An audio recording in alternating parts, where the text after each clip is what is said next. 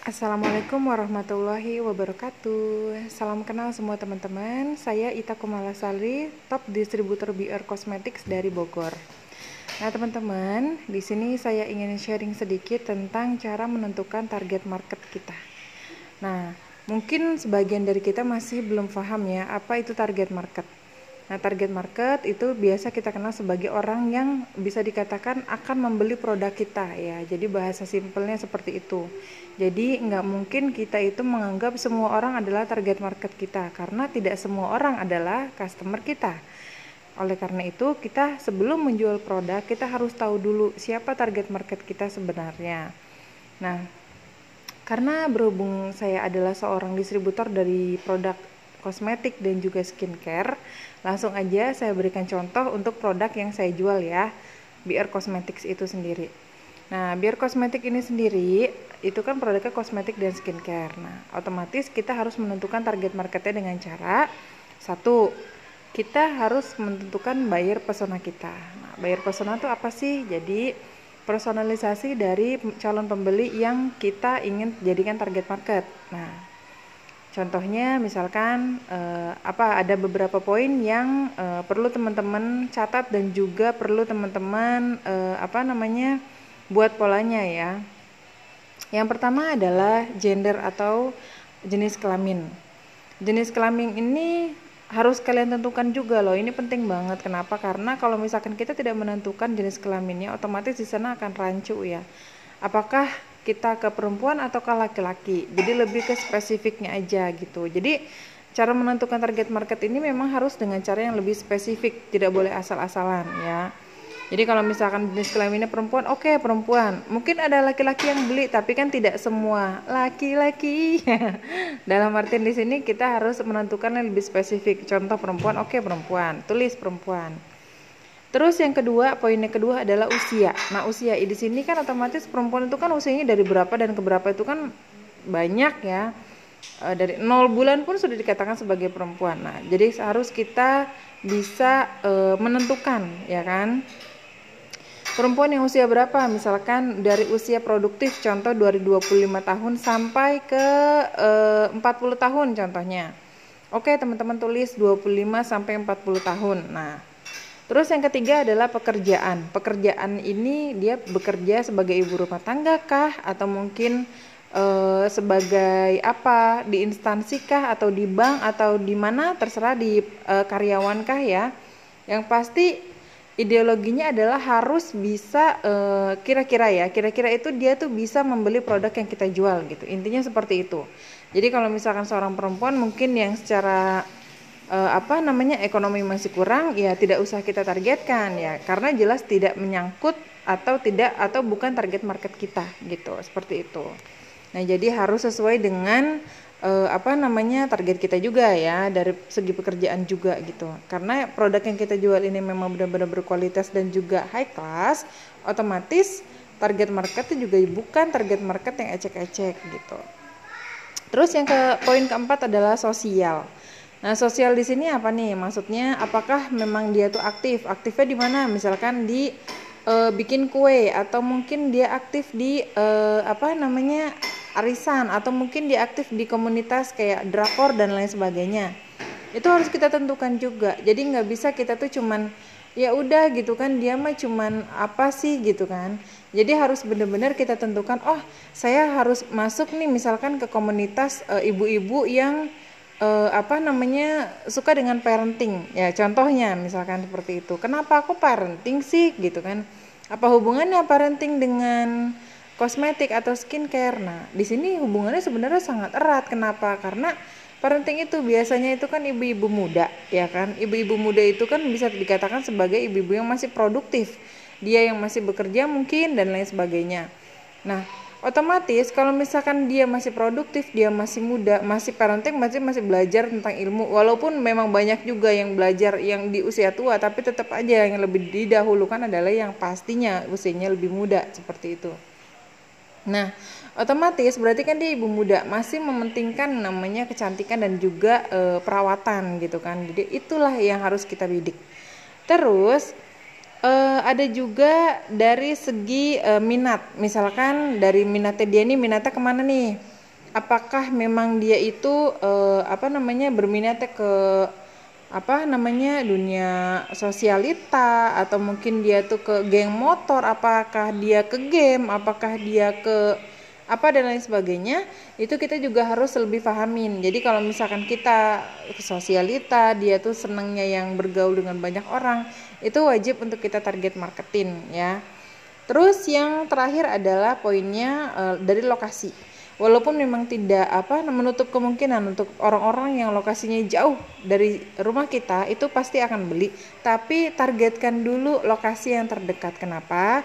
Karena biasanya lokasi yang terdekat itu akan lebih eh, apa namanya memilih untuk beli ke kita dibandingkan beli ke tempat-tempat yang lebih jauh seperti itu oke nah setelah kita menentukan buyer persona kita kita tuliskan di coret-coret di kertas ya Terus yang kedua adalah kita aktif uh, komentar ya di postingannya beliau.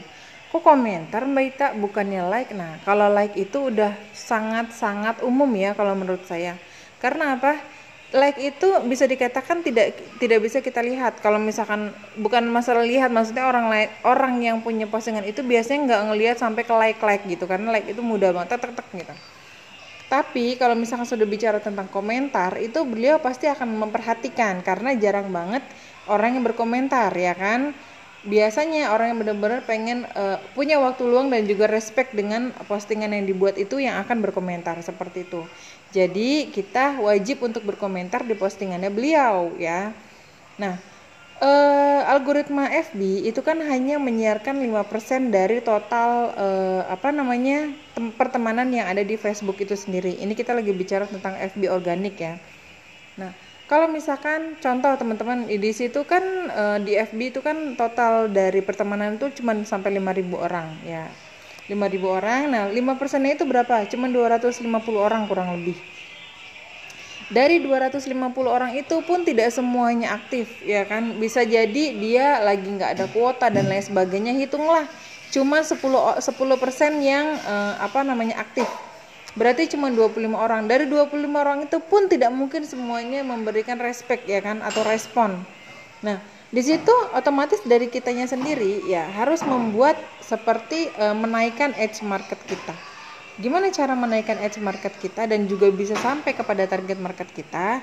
Nah setiap harinya teman-teman harus ngelis tuh minimal 10 orang uh, tar calon target market yang ingin kita uh, apa namanya yang ingin kita ajak silaturahmi atau biar postingan kita itu muncul di berandanya dia.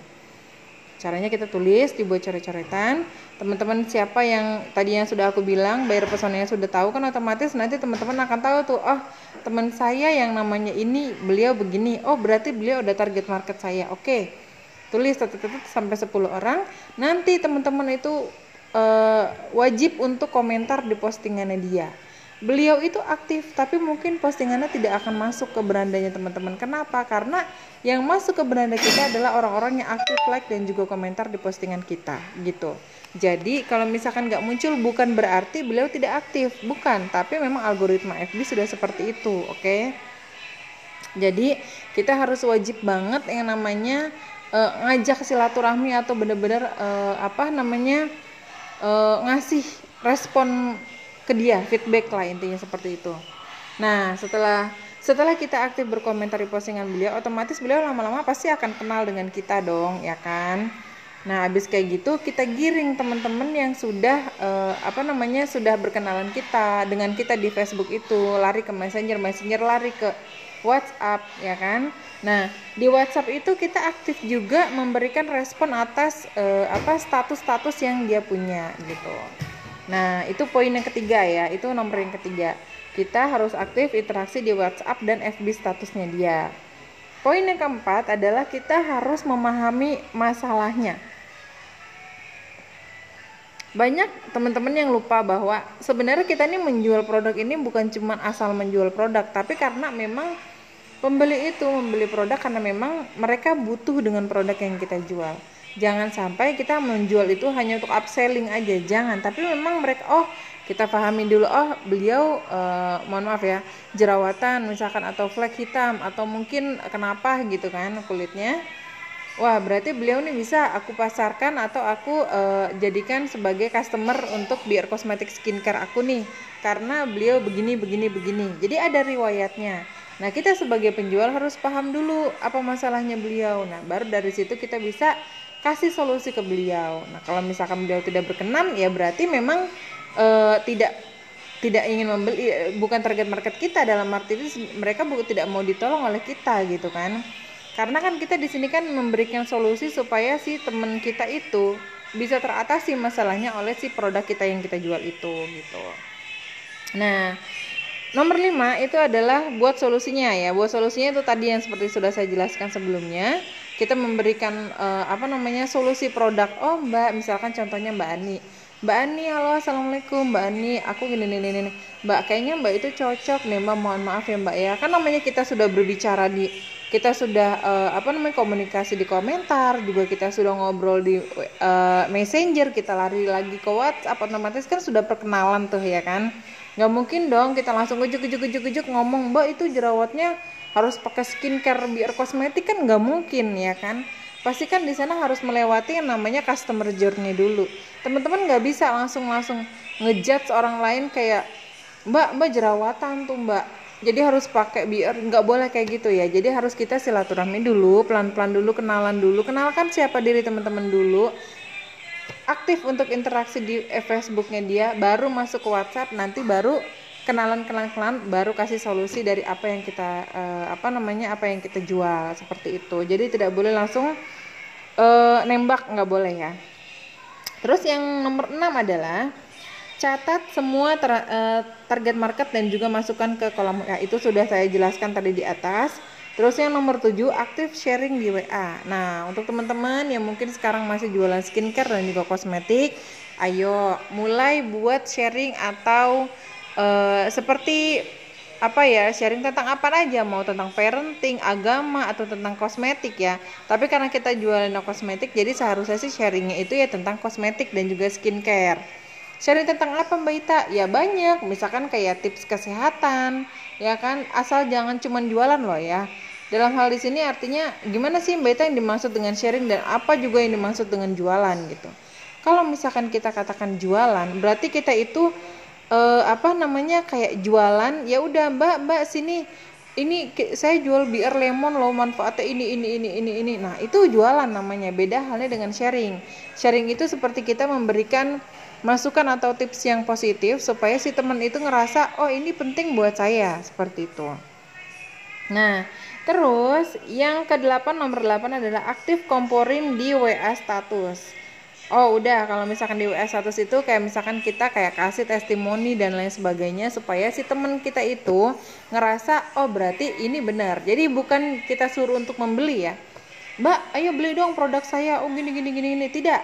Beli itu adalah se, uh, perkataan seperti itu adalah seperti perkataan perintah. Nah orang itu nggak akan mau diperintah. Contoh kayak Mbak sendiri ya kan.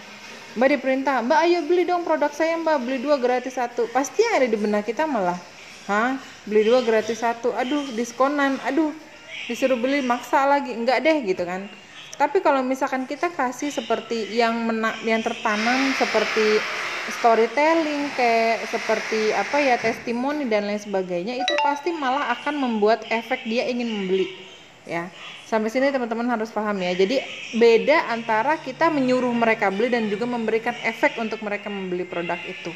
Nah sampai di sini 8 eh, apa namanya tema yang saya bahas ya. Eh 8 8 nomor yang saya bahas 8 poin yang saya bahas tentang cara mentargetkan personal eh personal dia tuh target market kita.